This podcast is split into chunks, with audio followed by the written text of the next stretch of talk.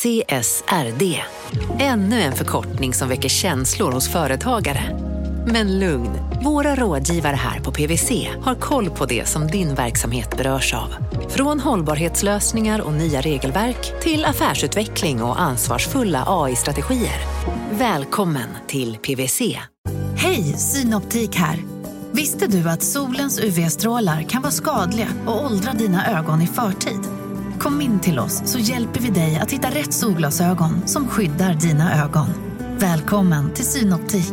Välkommen till Unionen. Jo, jag undrar hur många semesterdagar jag har som projektanställd och vad gör jag om jag inte får något semestertillägg? Påverkar det inkomstförsäkringen? För jag har blivit varslad, till skillnad från min kollega som ofta kör härskarteknik på möten och dessutom har högre lön trots samma tjänst. Vad gör jag nu? Okej, vi tar det från början. Jobbigt på jobbet. Som medlem i Unionen kan du alltid prata med våra rådgivare.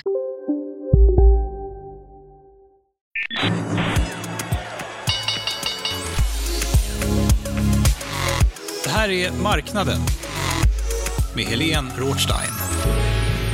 Hej och hjärtligt välkommen till podden Marknaden. Ett program där du hör en längre intervju på måndagar och ett liveinspelat veckomagasin på fredagar. Idag ska vi prata om Kjell Company och den pressade konsumenten. Vi ska prata om det slopade ISK-löftet, börsuppgång på aktiemarknaden och börskrasch i kryptovärlden. Jag heter Helene Rothstein och med mig i studion idag har jag investeraren Joel Eklund som är storägare och styrelseledamot i Shell Group som rapporterat nu på morgonen. Och sen har vi Frida Bratt som är sparekonom på Nordnet och ISK-aktivist. Och med oss har vi även ekonomijournalisten Gunnar Harry som reder ut turerna i ett av världens största kryptokollapser som skett nu i veckan. Hörni, välkomna hit! Tack så mycket. Tack så mycket. Tack. Hörni, vi avrundar en vecka här i slutet av rapportsäsongen. Har det varit en intensiv vecka, Frida? Ja, absolut. Inte bara för att eh, vi rundade av rapportsäsongen då, utan för att det var höstbudget från regeringen och det var ju inflationsglädjebesked igår och det är kryptokrasch. Alltså, det händer ju väldigt mycket just nu. Vad säger du, har det varit en intensiv vecka Joel? Ja, verkligen. Det har varit eh, rapporter och det har varit eh, ja, andra grejer för mig också. Med middag i Köpenhamn i onsdags och nu i Stockholm och sådär. Så det är hittan och dittan, härsan och tvärsan. Åh, oh, vad kul med middag i Köpenhamn. Gunnar, du har suttit här och jobbat på nätterna typ? Ja, typ. Det är ju så när man jobbar med krypto som är mycket så USA och de lever sina egna liksom, tider, att man får sitta och försöka hänga med liksom, minut för minut. Och det har verkligen varit ett sånt Det skeende? har verkligen varit ett sånt skeende. Mm. Mm. Hörni, vi går över till Shell Group som är ägarbolaget till Shell Company. Som de, de kom med sin rapport för tredje kvartalet idag och den har tagits emot väldigt väl av marknaden. Det är väl kul Joel, eller? Ja, det är ju alltid roligare än motsatsen såklart. Sen är ju liksom att vara ägare i ett eh, bolag för mig maratonlopp snarare än ett eh, sprintlopp. Så att eh, det är inte så att jag följer kursen varje dag. Men vad skulle du säga sticker ut i den här rapporten som kom nu idag? Eh, nej, men bolaget eh, presterar ju bra i, svår, i en svår eh, eller motig konsumentmarknad tycker jag och visar sina liksom defensiva eh, kvaliteter. Att man håller upp och eh, växer även i den här eh, marknaden. Eh, och även vinsten var ju ganska bra, även om det var ner lite grann mot, mot samma period förra året så um, håller den uppe väl trots att man har, man har motvind av uh, valuta och annat. De uh, säljer också mer av de egna varumärkena. Uh, är det bra tycker du? ja, absolut. Det är ju mer ehm, liksom särskiljning och, och, och, så jämfört med konkurrenter på marknaden och lite mer pricing power. Så att, det tycker jag är väldigt bra. Men är det inte skräp, deras egna grejer då? Nej, absolut inte. Allvarligt talat. Vilket påhopp. Är man snäll och åker till Stockholm och gör podd med dig så blir man påhoppad direkt där. Nej, men vadå, de är väl billigare av en anledning, eller? Nej, det vet jag inte. Det är nog mer att man inte äh, behöver någon märkesägare behöver skära emellan där. Så man ska säga det tror jag. Äh, Men det som är grejen med Kjell är att man har ju liksom mer tillbehörsprodukter. Andreas äh, Rylander då, vad är den? Prata om det, brukar prata om det och, och prata om det i DTV i, i um, morse också. Och um, det här med att tillbehörsmarknaden liksom har lite annan dynamik än uh, hemelektronik i, i övrigt, liksom är lite mer behovsstyrd eh, uh, och sådär. Och, och därmed då liksom lite mindre känslig för konsumenternas uh, plånböcker. Frida, man pratar ju väldigt mycket om den pressade konsumenten hela tiden och det är många fondförvaltare som säger att man ska hålla sig borta från konsumentbolag. Vad säger du om det? Nej, men vi har ju kunnat se att de har varit extremt nedpressade. Jag tycker det var intressant innan rapportperioden när BHG, tidigare Bygg Hemma, kom med en, eh, en vinstvarning och aktien initialt steg på den. Mm. Det säger ju någonting. Alltså, då är det ju väldigt nedpressat. Alltså, då är det ju verkligen så här, ja, men nu är det så nedpressat att så bara vi får lite fakta på bordet här så blir det en lättnad. Det var inte värre än så? Det var inte värre än så. Okej, okay, ja men då så. Alltså, det säger ju någonting om hur nedpressat det är just nu och det är klart att det är konsumentbolagen som har det tufft därför att hushållen är ju de som redan... Alltså vi har lågkonjunktur hos hushållen sedan mm. länge. Mm. Sen har det inte spridit sig. Alltså bolagen går ju fortfarande bra, alltså näringslivet går ju bra. Men vad gäller hushållen så är vi ju i en väldigt tuff tid redan och har varit sedan länge och hushållen vet att det kommer bli ännu tuffare. Ja, men det är klart att man håller i plånboken.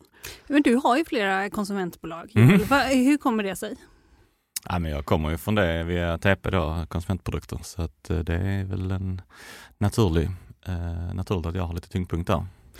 TP, det är alltså mun, vad ska man säga, munhygiensbolag. Munhäls, produkter för munhälsa. Ja, för munhälsa.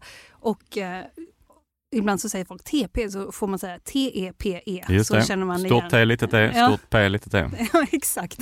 Hur går det? Du är fortfarande styrelseordförande där? Ja, senast jag kollade.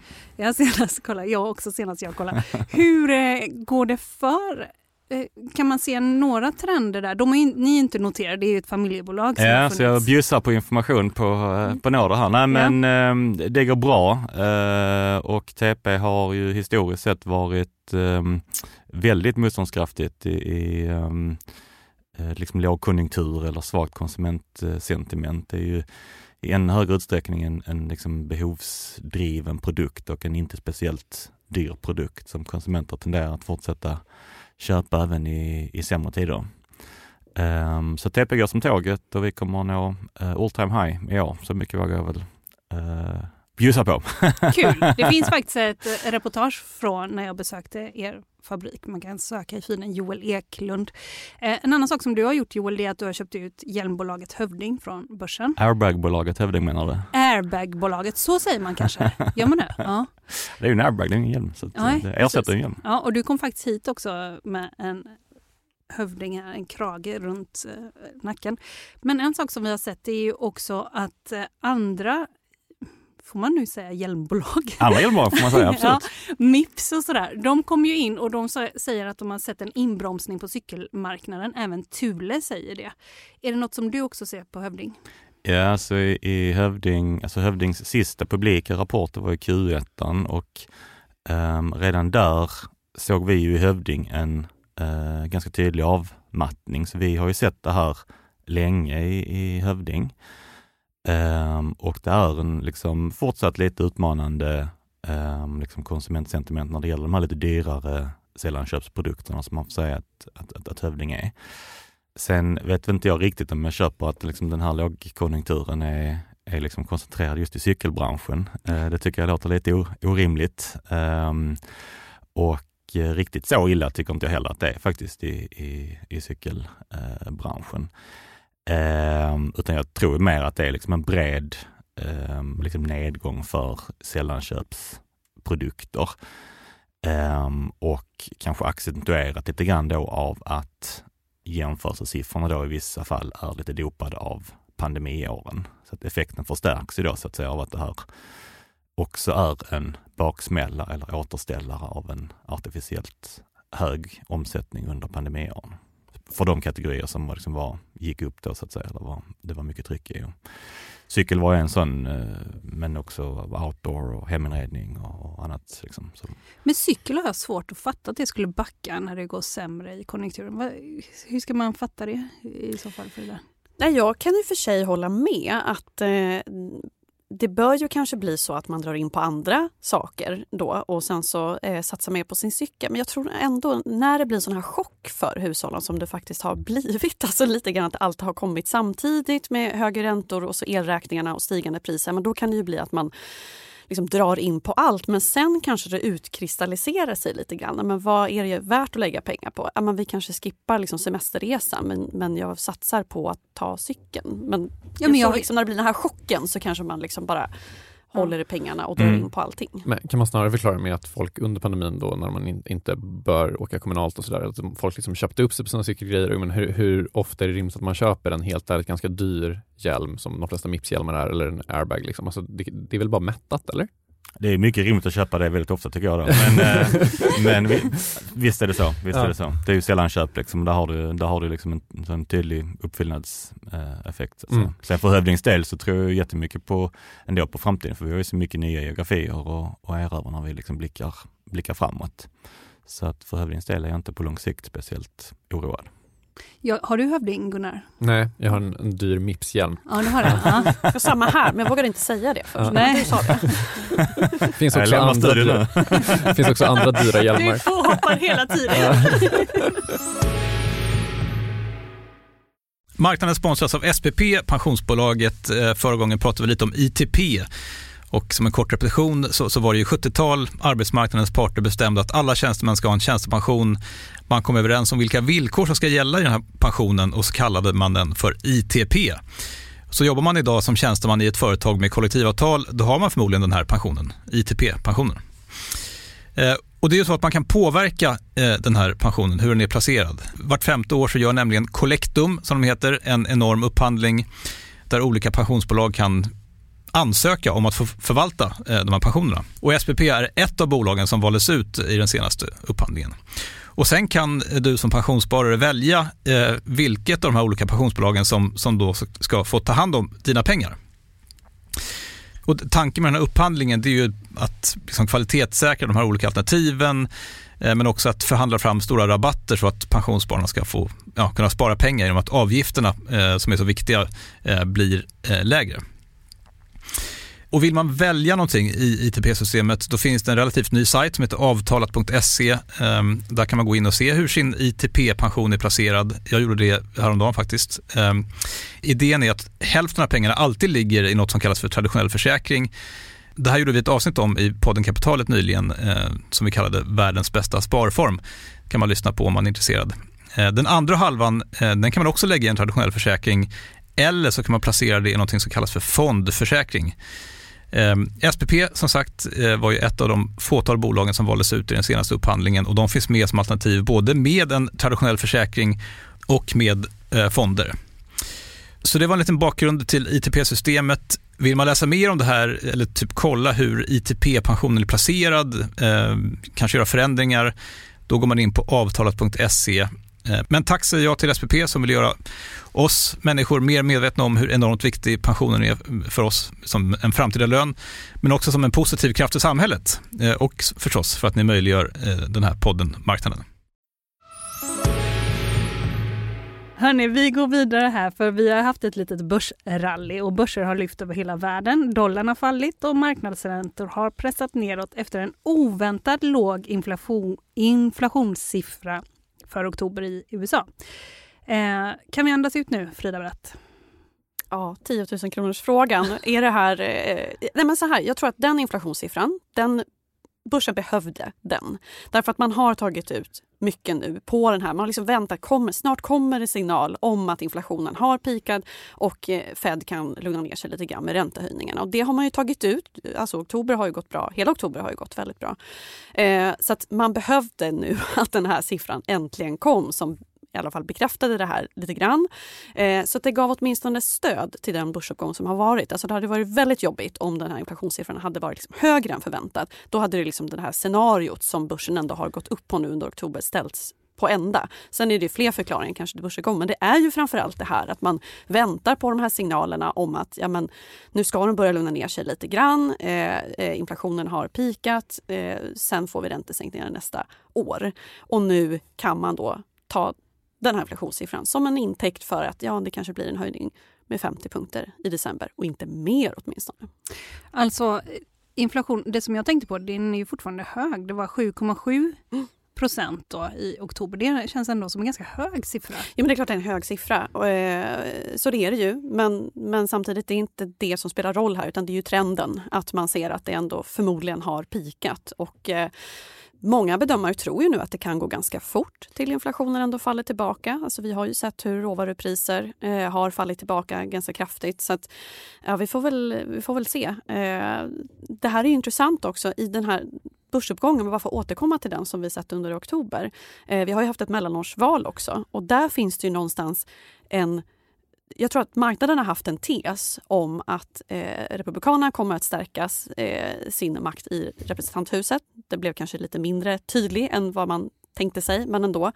Eh, och att det då bakbinder eh, presidenten. Bakbinder, det kommer inte bli så mycket, det blir lite så stillestånd kanske eftersom man har olika färger i de här två husen. Och då blir det kanske inte så mycket stimulanser utan då blir det ju Fed som är själva här som styr skutan när det gäller inflationen. Och möjligen då skulle det kunna innebära ett lite mjukare Fed. Alltså jag tror det finns en sån tes i marknaden mm, eh, som också ligger bakom det här. Men vi får väl se hur det utvecklar sig.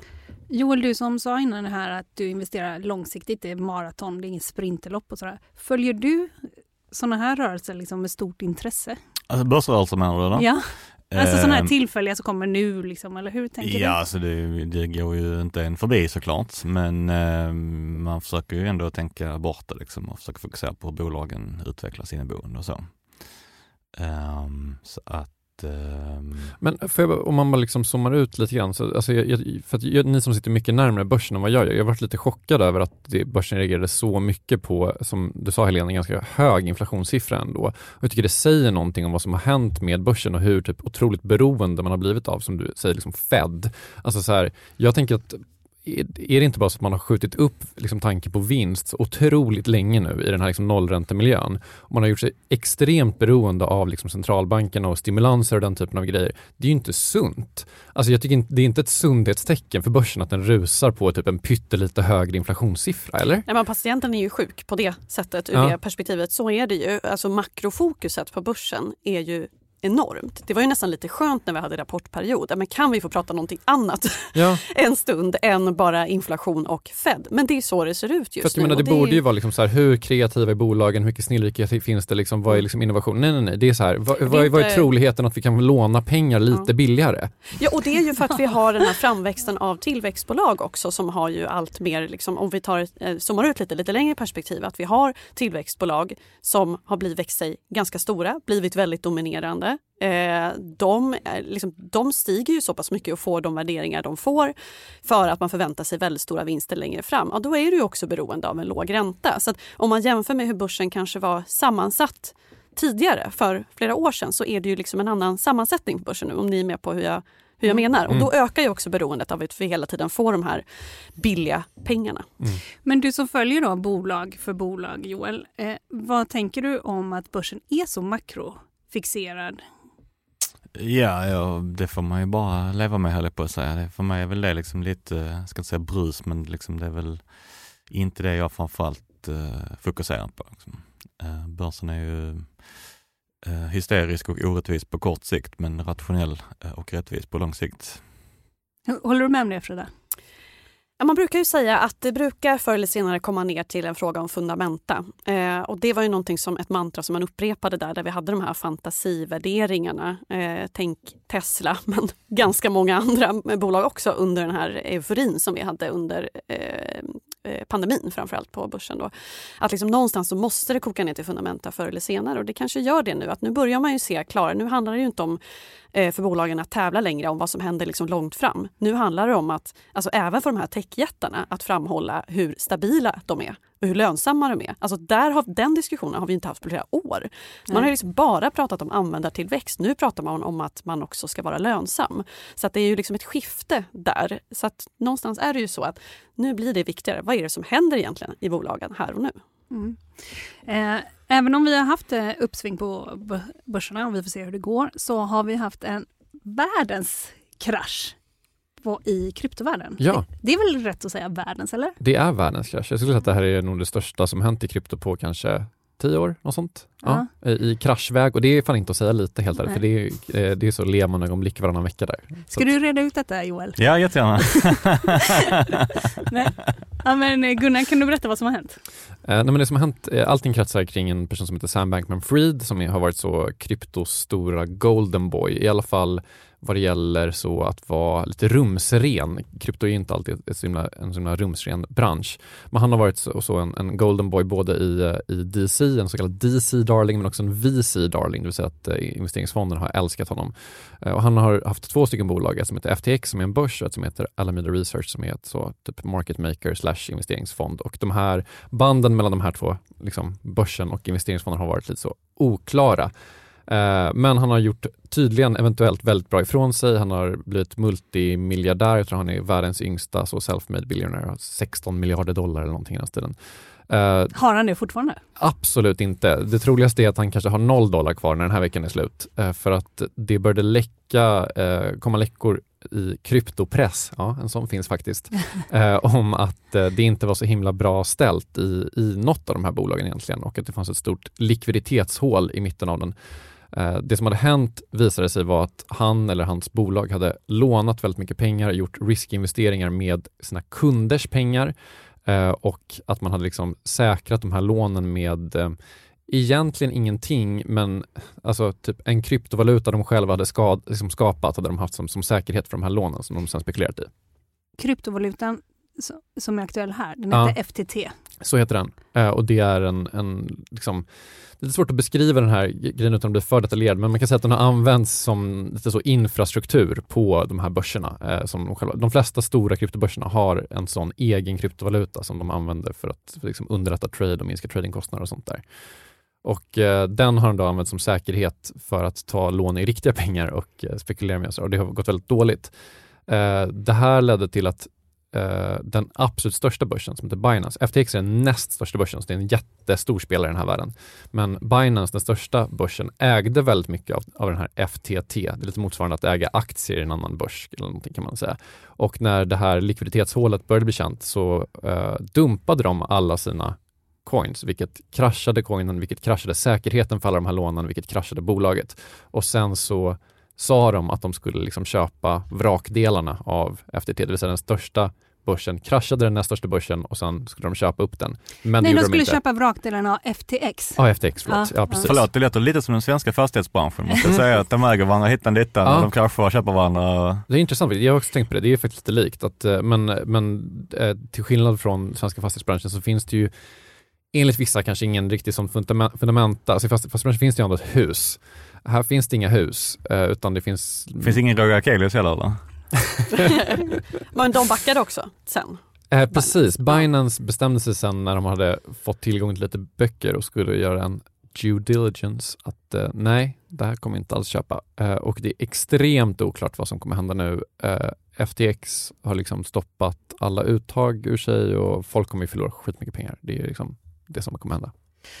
Och förutom att detta händer då FTX, börsen FTX, Mm. då finns det en stor kryptobörs kvar, Mhm. Binance. Ja, det finns några andra också, men, ja, men det, den näst största är borta, så det är ju ett hål efter sig, absolut. Ja, va, Vad får det för konsekvenser? Alltså att det bara finns en? Nej men eh, det, det, liksom, det lägger ju ännu mer eh, vad ska man säga, ansvar på dem att faktiskt, faktiskt sköta sig då. Eh, de liksom, finns i en annan juridis, jurisdiktion, de inte, måste inte visa upp, eh, liksom, eh, ha samma transparens eh, som vissa av de så här, svenska börserna om man jämför med, med de alltså svenska kryptobörserna. Så att det är fortfarande extremt oklart. Hela förtroendet för branschen är ju jätteskadat såklart eh, och folk kommer förlora väldigt mycket pengar.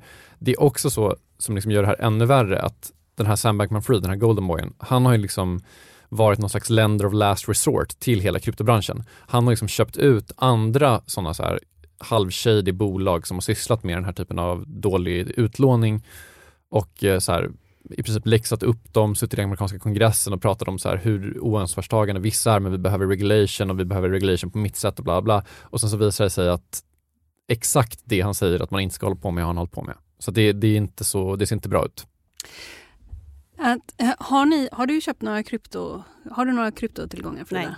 Nej. Nej. Du? Johan? Nej. Nej. Va, varför inte? Nej men jag tycker att det är svårt att, att alltså, ta eh, bitcoin. Vad ska den vara värd? Jag tycker det är jättesvårt. Alltså, I en aktie kan du räkna på framtida vinster. Eh, vad, vad, ska en bitcoin kosta? Jag tycker att det är otroligt svårt att veta det. Eh, det blir liksom en spekulation så det är inget som ligger för mig. Gynnar det här bitcoin på sikt?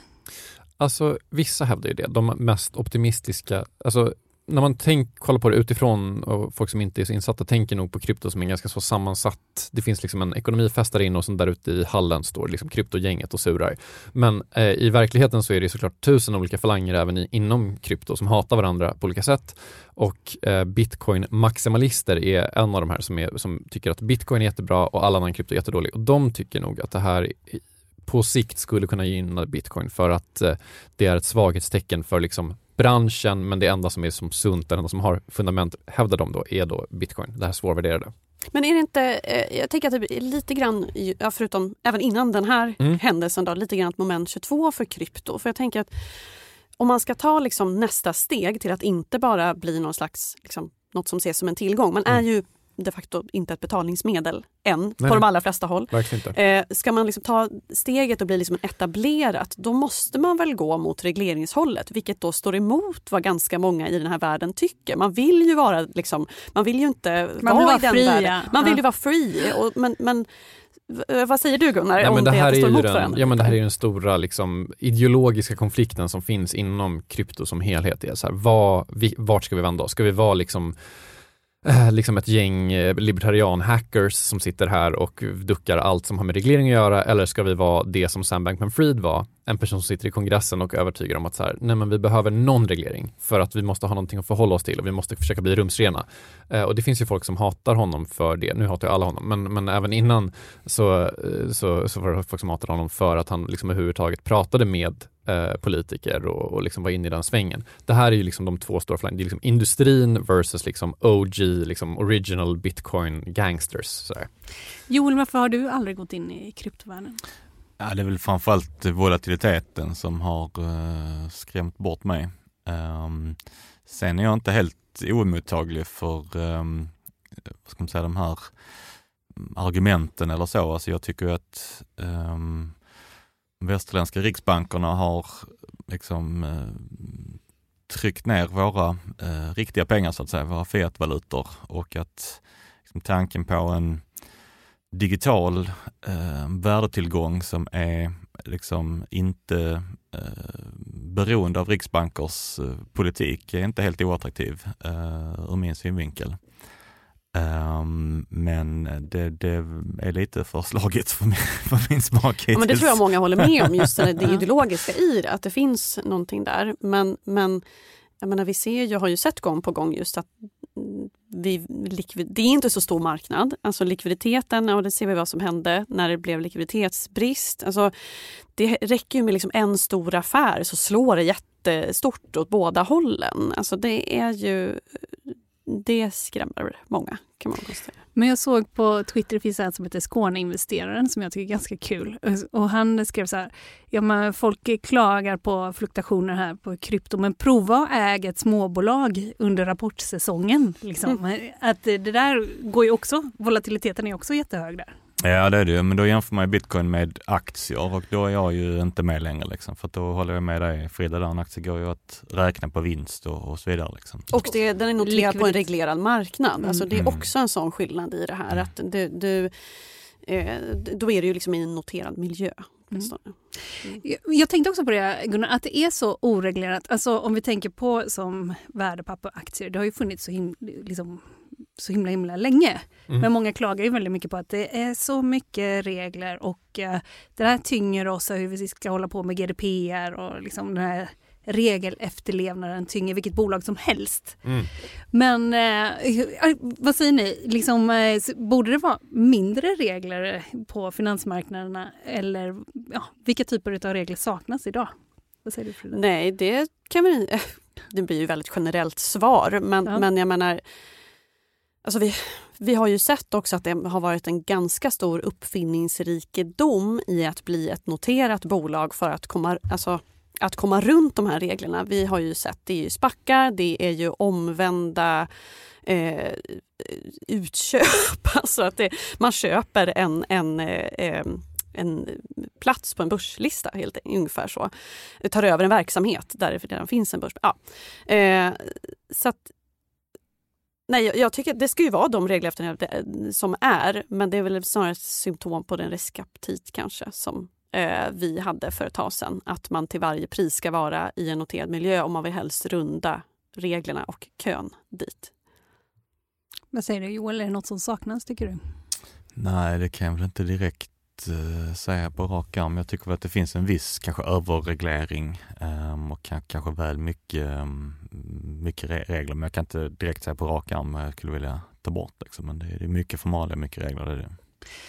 Gunnar, har det hänt något som tyder på att det har varit någon slags kriminell eh, verksamhet här runt FTX? Och, liksom, mm. Just det, det är den stora frågan. För att, eh, det är uppenbart att det har varit en extrem brist på transparens. Yeah. Eh, sen är frågan, har, den, har, den varit, har det funnits ett, liksom ett bedrägligt uppsåt eller har de fuckat upp? Det är liksom de två linjerna som finns här. Och eh, um, så här, källa kryptohistorik bedrägeri. Källa just den här fallet, jag vet inte. Alltså så här, det, det, som liksom brukar vara i den, i den, här världen är ju ofta att någon har haft, inte alla, men någon har haft liksom något slags bedrägligt uppsåt, ofta. Eh, om det är så i det här fallet, det, det, vet man inte. Man vet ju nästan ingenting om det här än och eh, på tal om eh, regleringar och efterlevnad och sånt där, det här är ju bolag som är liksom skrivna på Bahamas allihopa och eh, eh för att ducka den här typen av, av regleringar väldigt ofta. Och det kommer komma mer regleringar som rör kryptovärlden, eller va? Absolut. Ja, EU har en stor grej på gång som heter Mika som ja. eh, nog kommer bli någon slags sånt, tror man, benchmark som, som nästan alla kommer utgå ifrån sen i sina respektive kryptoregleringar. Och det är också en sån reglering som eh, sjukt nog tycker jag nästan alla krypto börser i alla fall är så här nöjd med. Alla verkar gilla Mika. Typ. Är det ett varningstecken på något sätt? Då, om jag vet inte. Alltså, så här, det, det, Just det. Alltså, ja, den som perfekt. kan leda ut ja. en EU-lagstiftning så här, ja, bara lite, lite lätt. Kan så återkomma. Lätt ja, exakt. Men, eh, men äh, alla är väl överens om, och med alla menar jag alla som, som håller på med någon slags kryptoprodukt snarare än krypto, är väl överens om att konsumentskyddet kanske har varit aningen bristfälligt. Det kan man väl med lätthet konstatera, mm. åtminstone eftersom det inte finns någon sån lag. Det finns ju inget eh, heller liksom skydd kring så här, hur, man, hur får man marknadsföra, hur får man alla de här grundläggande sakerna Nej. som kommer med liksom, i en reglerad miljö.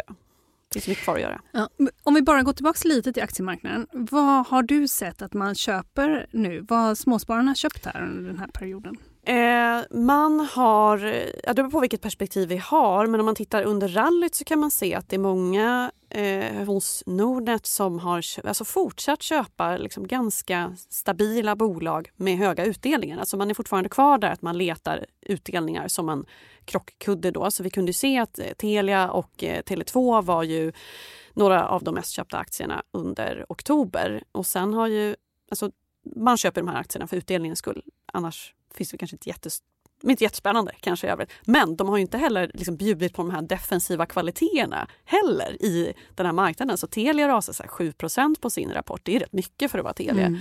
Eh, så att, liksom, man har inte, det har inte varit så defensivt i de här bolagen som många sparare kanske har önskat. Men sen vid sidan av det så har man ju fortsatt att köpa i de här liksom, SBB och Sinch, där ju faktiskt har varit, de har ju inte varit bortskämda med goda nyheter under året, men där har ju eh, har de ju faktiskt bjudits på lite goda nyheter här nu då med Sinch gjorde en omvänd vinstvarning och SBB ska knoppa av sin bostadsportfölj och det verkar uppskattas av marknaden. Så att, eh, det var trevligt för de aktierna har varit väldigt köpta under nedgången också. De har gått ner väldigt mycket under året. Det har varit en väldigt intressant squeeze här mm. i SBB till mm. exempel. Mm. Är det något Även i Sinch också. Ja. Eh, nej men det är ju jättespännande vad som händer nu med det här avknoppade bolaget och vad eh, tanken är. Och det blir en intressant att följa blankarnas situation i det förstås. Joel, du har ju några fastighetsbolag. Du har Wihlborgs till exempel och Trianon. Du har inte SBB? Nej. Nej, varför inte?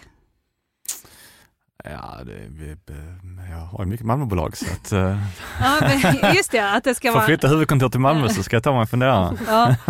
Men eh, du är inne på fastighetsmarknaden alltså, eh, ganska mycket. Wihlborgs är ju jättestort innehav som du har och sen ja. så sa du nu här att det här påminner lite om eh, det som händer i krypto påminner lite om den svenska fastighetsmarknaden. Va, vilka bolag håller du dig borta ifrån och vilka liksom är du inne i? Ja, jag, jag har ju Wihlborgs och Trenon, det är de jag har inom fastigheter. Um, nej men det var väl mer det här uh, liksom korsägandet, att eh, uh, fastighetsbolag eh, och fastighetsprofiler äger liksom varandra och äger aktier i vad som väl ändå får förstås som konkurrenter, vilket jag inte gillar och inte tycker är ett sunt inslag i en, i en bransch.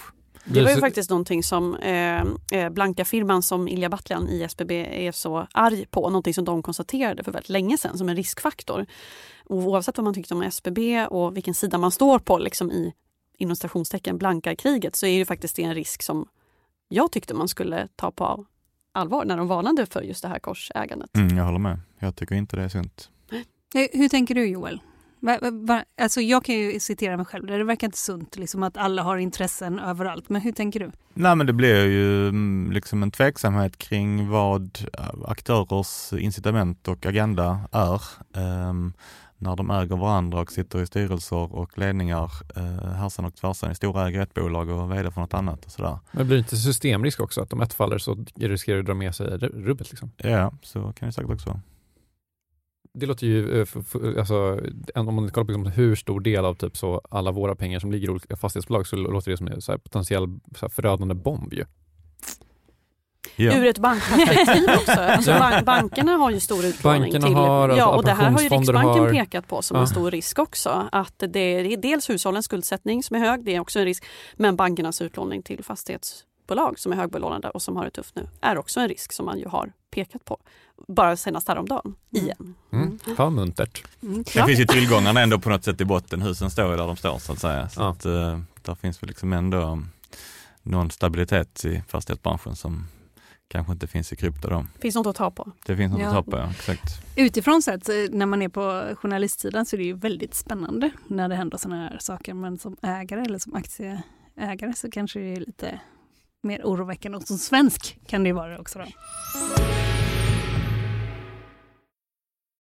Eh, marknaden sponsras av Karla. Eh, vi pratar ju en hel del om bilar här på kontoret. Eh, Karla har ju skapat, skulle jag säga, det som är standarden för hur man idag köper och säljer bilar på nätet. Kort bakgrund bara. Karla säljer och leasar begagnade elbilar och laddhybrider på karla.se. Alltså en helt digital upplevelse. Och man har gjort det här med ett nästan maniskt fokus på vad en bilköpare faktiskt behöver. Jag gjorde ju en intervju med en av grundarna, Patrik Illerstig, i marknaden här eh, ganska nyligen, eh, daterad 25 mars, om man vill lyssna på den. Eh, men där berättar han hur de kom in i det här lite från vänster för att försöka uppfinna hela den här liksom bilköpupplevelsen från början. Och de har idag, vilket är rätt otroligt, 4,8 i betyg eh, på Trustpilot. Jag, jag har sett många företagssidor på Trustpilot, men det här är nog bland eh, det bästa jag någonsin sett eh, faktiskt. Man kan sälja bilen till Karla också. Eh, då går man in på karla.se, delar lite info om bilen, sen får man en gratis värdering och ett bud. De hämtar bilen helt gratis i hela Sverige och så har man pengarna på kontot i samma stund som de hämtar bilen. Det är grymt.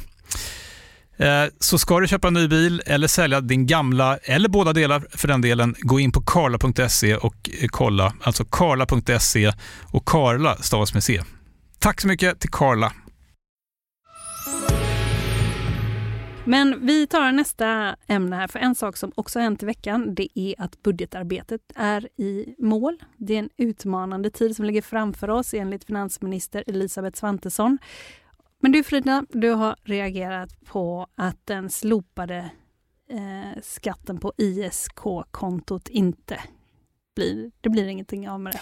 Nej, eh, det som man lovade i, i Tidöavtalet var ju att de första 300 000 kronorna skulle bli skattefria. Eh, och det är ju så, man var ju tydlig med att Tidöavtalet det ska gälla under hela mandatperioden. Men om man tittar på vad alla partier sa i valrörelsen så var man ju liksom, man tävlade om att bli spararnas bästa vän. Så jag tror väldigt många tog det här, alltså budskapet var att ja, men nu kommer skatten sänkas på ISK. Det är välkommet under ett år när skatten kommer att liksom bli, alltså mer än fördubblas ju, för att den baseras på statslåneräntan. Så då kommer den stiga. Och den tas ut på hela kapitalet och det gäller ju oavsett om man har gjort liksom, Många har gjort förlust, den kommer tas ut ändå. Det är spelets regler, det är inte så mycket att säga om. Men det är klart att det hade varit välkommet. Eh, jag tycker också att om man tittar bara ur ett PR-perspektiv eh, från regeringens sida så hade det varit smart att ge den här till hushållen nu. Man vill inte spä på inflationen, men att uppmuntra att hushållen sparar ja, men det kan ju inte sägas vara inflationsdrivande. Samtidigt så ger man någonting till hushållen och ISK är en populär eh, sparform och får mycket uppmärksamhet i media. Så jag kan, därför tycker jag att det är svårt att förstå varför man inte gjorde det här nu. Men hur viktig är den här skatten? Alltså hur viktig är frågan ens? Nej, men jag tror att den är, den är jätteviktig för att den har ett signalvärde framför allt. Eh, den uppmuntrar folk att spara mer. Man signalerar att sparande är viktigt till skillnad mot den tidigare regeringen där man höjde skatten och eh, eh, ja, talade om sparare som liksom, de rika. Eller ja, man använde liksom en retorik som var lite så här, inte särskilt spararvänlig. Nu vill man ju göra tvärtom. Nu vill man ju, regeringen har ju velat signalera nu kommer ett skifte här och sen så är det helt tyst. Alltså nu vet vi inte alls, vad, vad tänker de med det här? Du har ju varit på, jag kallar dig för ISK-aktivist. Ja, jag hörde det, men ja. det, jag tar det som en komplimang. Ja. Men jag såg det här på, i sociala medier utanför riksdagen och du efterlyste finansmarknadsministern som heter vadå Joel? Mm, Niklas Wikman. Visste du det Gunnar? Absolut. Ja, ja det, var, det var eh, fler än, än de som jag frågade som inte visste. Ja. Men det var ju, eh, jag vill göra en poäng av att han har viktiga frågor på sitt bord. Inte mm. bara ISK utan även amorteringskravet. Där gick man ju också ut, det var ju bara några veckor innan valet som Elisabeth Svantesson sa vi vill slopa amorteringskravet. Sen har man ju det är min tolkning, fått kalla fötter för att man inte vill beskyllas för att eh, eh elda på inflationen. Men då måste man kanske ge ett budskap till alla hushåll som faktiskt undrar över det här nu. Vad tänker man göra? Blir det inte det? Ja, men då kan man väl liksom eh, meddela det. Alltså hushållen måste väl få veta för att kunna pla eh, planera sin ekonomi. Och du menar att han har varit osynlig? Mm. Ja. Eh, håller du fast vid det fortfarande? Det har gått ja. två dagar. Ja, ja, ja absolut. Ja, men, ja. Och, jag, menar, jag pratar med flera redaktioner som inte heller har liksom, fått intervjuer. Så det, det, är ju många som upplever att det inte har varit så tillgängligt och det är lite grann locket på vad gäller amorteringskravet. Men också ISK. Alltså det är lite sådär vad, jag har försökt få svar på frågan också. Så här, eh, när det gäller skattesänkningen på ISK kommer den också omfatta kapitalförsäkringen. Kapitalförsäkringen är en sparform som används på samma sätt som ISK.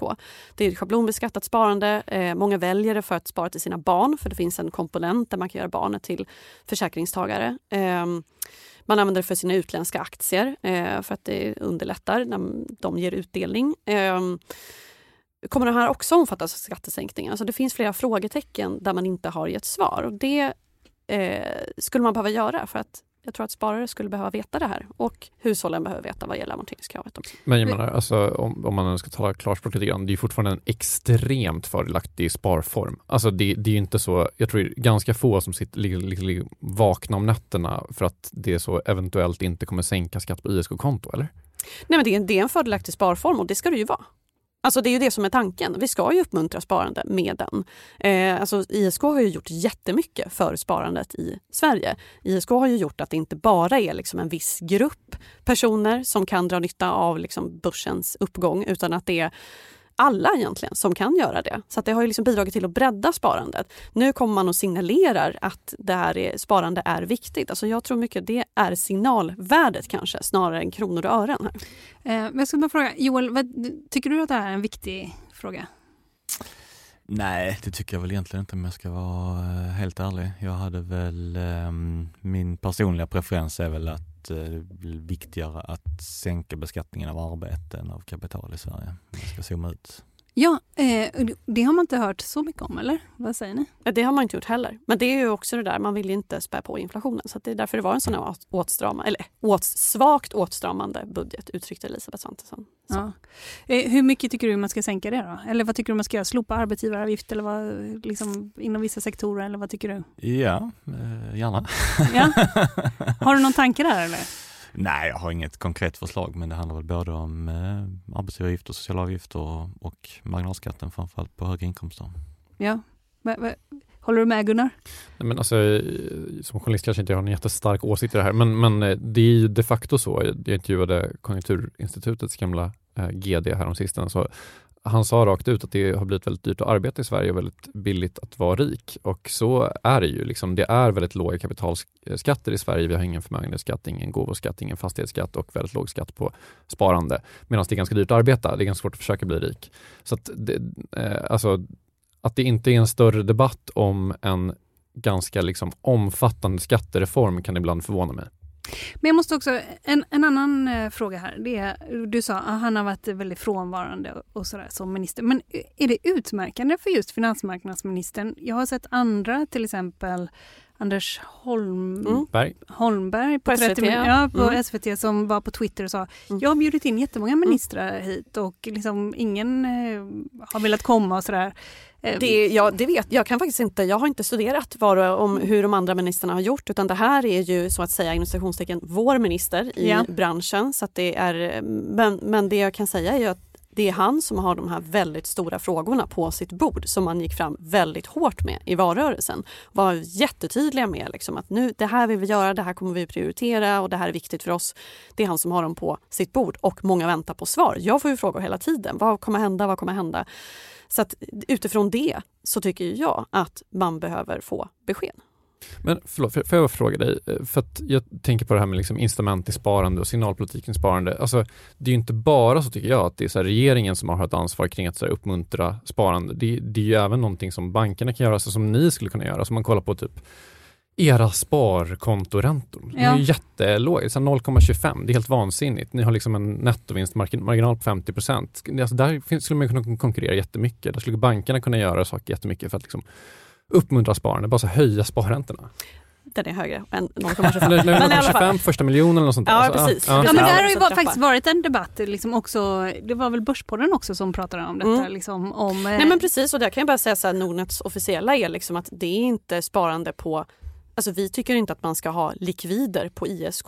Alltså där på ISK, det, använder man, det är ju ett konto som används för att placera i värdepapper. Mm. Vill man ha liksom sparränta, ja då, då finns det, då får man det hos oss. Eh, eller så finns det andra aktörer som, men, men liksom vad gäller Nordnet och andra, en annan stor bank kanske, som är som börjar på A eller det- ja, kanske. Ja, ja. Eh, nej, då, då är ju fokuset att tillhandahålla liksom, eh, produkter för att kunna investera på börsen. Det är det som är Men- fokusen. Ja. Men- men man- Inte ha spa, spa, vanligt sparande Ja, det finns sparkonto. Eh, Då finns det eh, konkurrenter som erbjuder bättre sparränta. Men fokuset för Nordnet är ju att erbjuda sparande i fonder och aktier. Jo, jag, jag fattar det, men jag tänker bara liksom, om man ska prata signaler, om man ska prata incitament, om man ska, prata, om man ska vara så här, spararens bästa vän som både ni och den här andra banken på A ibland liksom hävdar er vara. Vi kan väl säga det? Ja, jag kan säga det. Avanza.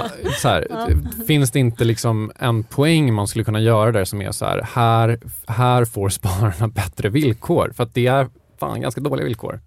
Jag tycker att Nordnet erbjuder liksom bra Ni, villkor. ni att- ökade ett räntenetto med 77 procent tredje kvartalet. Det är mycket liksom. Ja, Alltså ja men det är mycket. Jag, jag kan bara säga att jag tycker att Nordnet erbjuder bra villkor. Därför att det som vi pratar om framför allt är ju långsiktigt sparande. Mm. Och då tycker, jag tycker som eh, sparekonom inte att det är pengar som ska placeras på sparkonto. Och, och vill man placera på sparkonto då finns det aktörer som erbjuder bra ränta. Mm. Vill man spara på eh, aktier och fonder så tycker jag att Nordnet har ett bra erbjudande. Allt jag säger är att jag tycker att debatten kring sparande och sparinstrument borde ligga lite bortom bara skatt på ISK. Det finns andra saker. Bankerna gör liksom extremt stora vinster just nu och de gör det för att deras sparräntor är jättelåga i förhållande till deras utlåningsräntor. Vi hade ju faktiskt ett fredagsprogram här för några veckor sedan där man pratade om också bankerna som liksom ett politiskt eh, Eh, slagträ. Så här, att nu kommer man titta så här på bankerna. Hur mycket går de med vinst? Vad får jag nu när räntorna blir dyrare? Och så där. Vad tänker du om det Frida? Nej, men det är en sån debatt eftersom vi har ett eh, stigande ränteläge där hushållen väldigt tydligt känner av att eh, det blir tuffare när det gäller eh, bolåneräntan. Samtidigt som det inte, man inte är, och här talar jag generellt för branschen, man är ju inte lika snabb att höja sparräntan. Så är det ju. Så att det är klart att det, det kan komma en sån ökad eh, diskussion. Mm. Är det något som du följer Joel? Sparräntan? Ja. Eh, ja, inte med så jättestort intresse, men jag har ju noterat att man får vara liksom lite aktiv för att räntan ska skruvas upp. När den skruvas ner så eh, sker det mer automatiskt om man uttrycker sig diplomatiskt. Ja. Hörni, eh, vad heter det? Eh, En, en annan sak som, eh, du har ju en noterad portfölj- och en onoterad portfölj. Går du, du nu med det här börsklimatet som är ju lite volatilt och sådär, investerar du mer i noterat nu eller onoterat? Hur tänker du där? Ah, det kan jag väl inte säga. Ehm, det är ju den onoterade miljön um, följer ju liksom efter, ibland är det lite eftersläpning, så liksom bolagen i onoterad miljö prissätts ju inte på samma sätt eh, dagligen, men eh, nedgången i värderingar och eh, så att säga, svårigheten att eh, få in kapital i de bolag som behöver det, den är ju minst lika påtaglig i i den onoterade miljön. Ehm, och, och speciellt i de bolag som, som så att säga, behöver få in pengar för att finansiera sig. Eh, och där är ju nedgångarna, bland de som så att säga, tvingats bekänna färg där, så är nedgångarna i många fall ännu mer dramatiska än, än på börsen. Frida, eh, vad tror du småsparare på börsen? Får vi se ett, har ni sett ett utflöde att det är många som drar iväg eller liksom... Eh, nej, inte direkt, utan det är många som fortsätter att spara och vi har kunnat se att eh, alltså ur ett Nordnet-perspektiv så kan vi se att liksom, kunder fortsätter att komma. Men däremot så ser man att man beter sig lite annorlunda i det här klimatet. Alltså man kanske sätter in eh, lite mindre, man gör affärer med lite mindre belopp och framförallt så är eh, aktiviteten lägre. Alltså när vi hade den här liksom boomen på börsen, då var ju alla extremt aktiva. Liksom, och, och nu ser vi att det är lugnare. Igår var det inte så lugnt. Nej, så nej. det var väl undantaget då Ja. när vi fick den här inflationssiffran. Men annars kan vi Ja. ju se snarare det beteendet. Man, man gör liksom lite färre affärer och jag tror att under en stor del av det här året så har man liksom inte vetat riktigt vad man ska göra. Alltså vart ska man ta vägen? Eh, och då blir det liksom att man blir lite passiv istället och inte gör så mycket alls. Hörni, det här året håller ju på faktiskt att gå mot sitt slut. Vad tror ni om 2023? Vad tror du om börsen? Vad ska man hålla utkik efter också med Q1 när de kommer?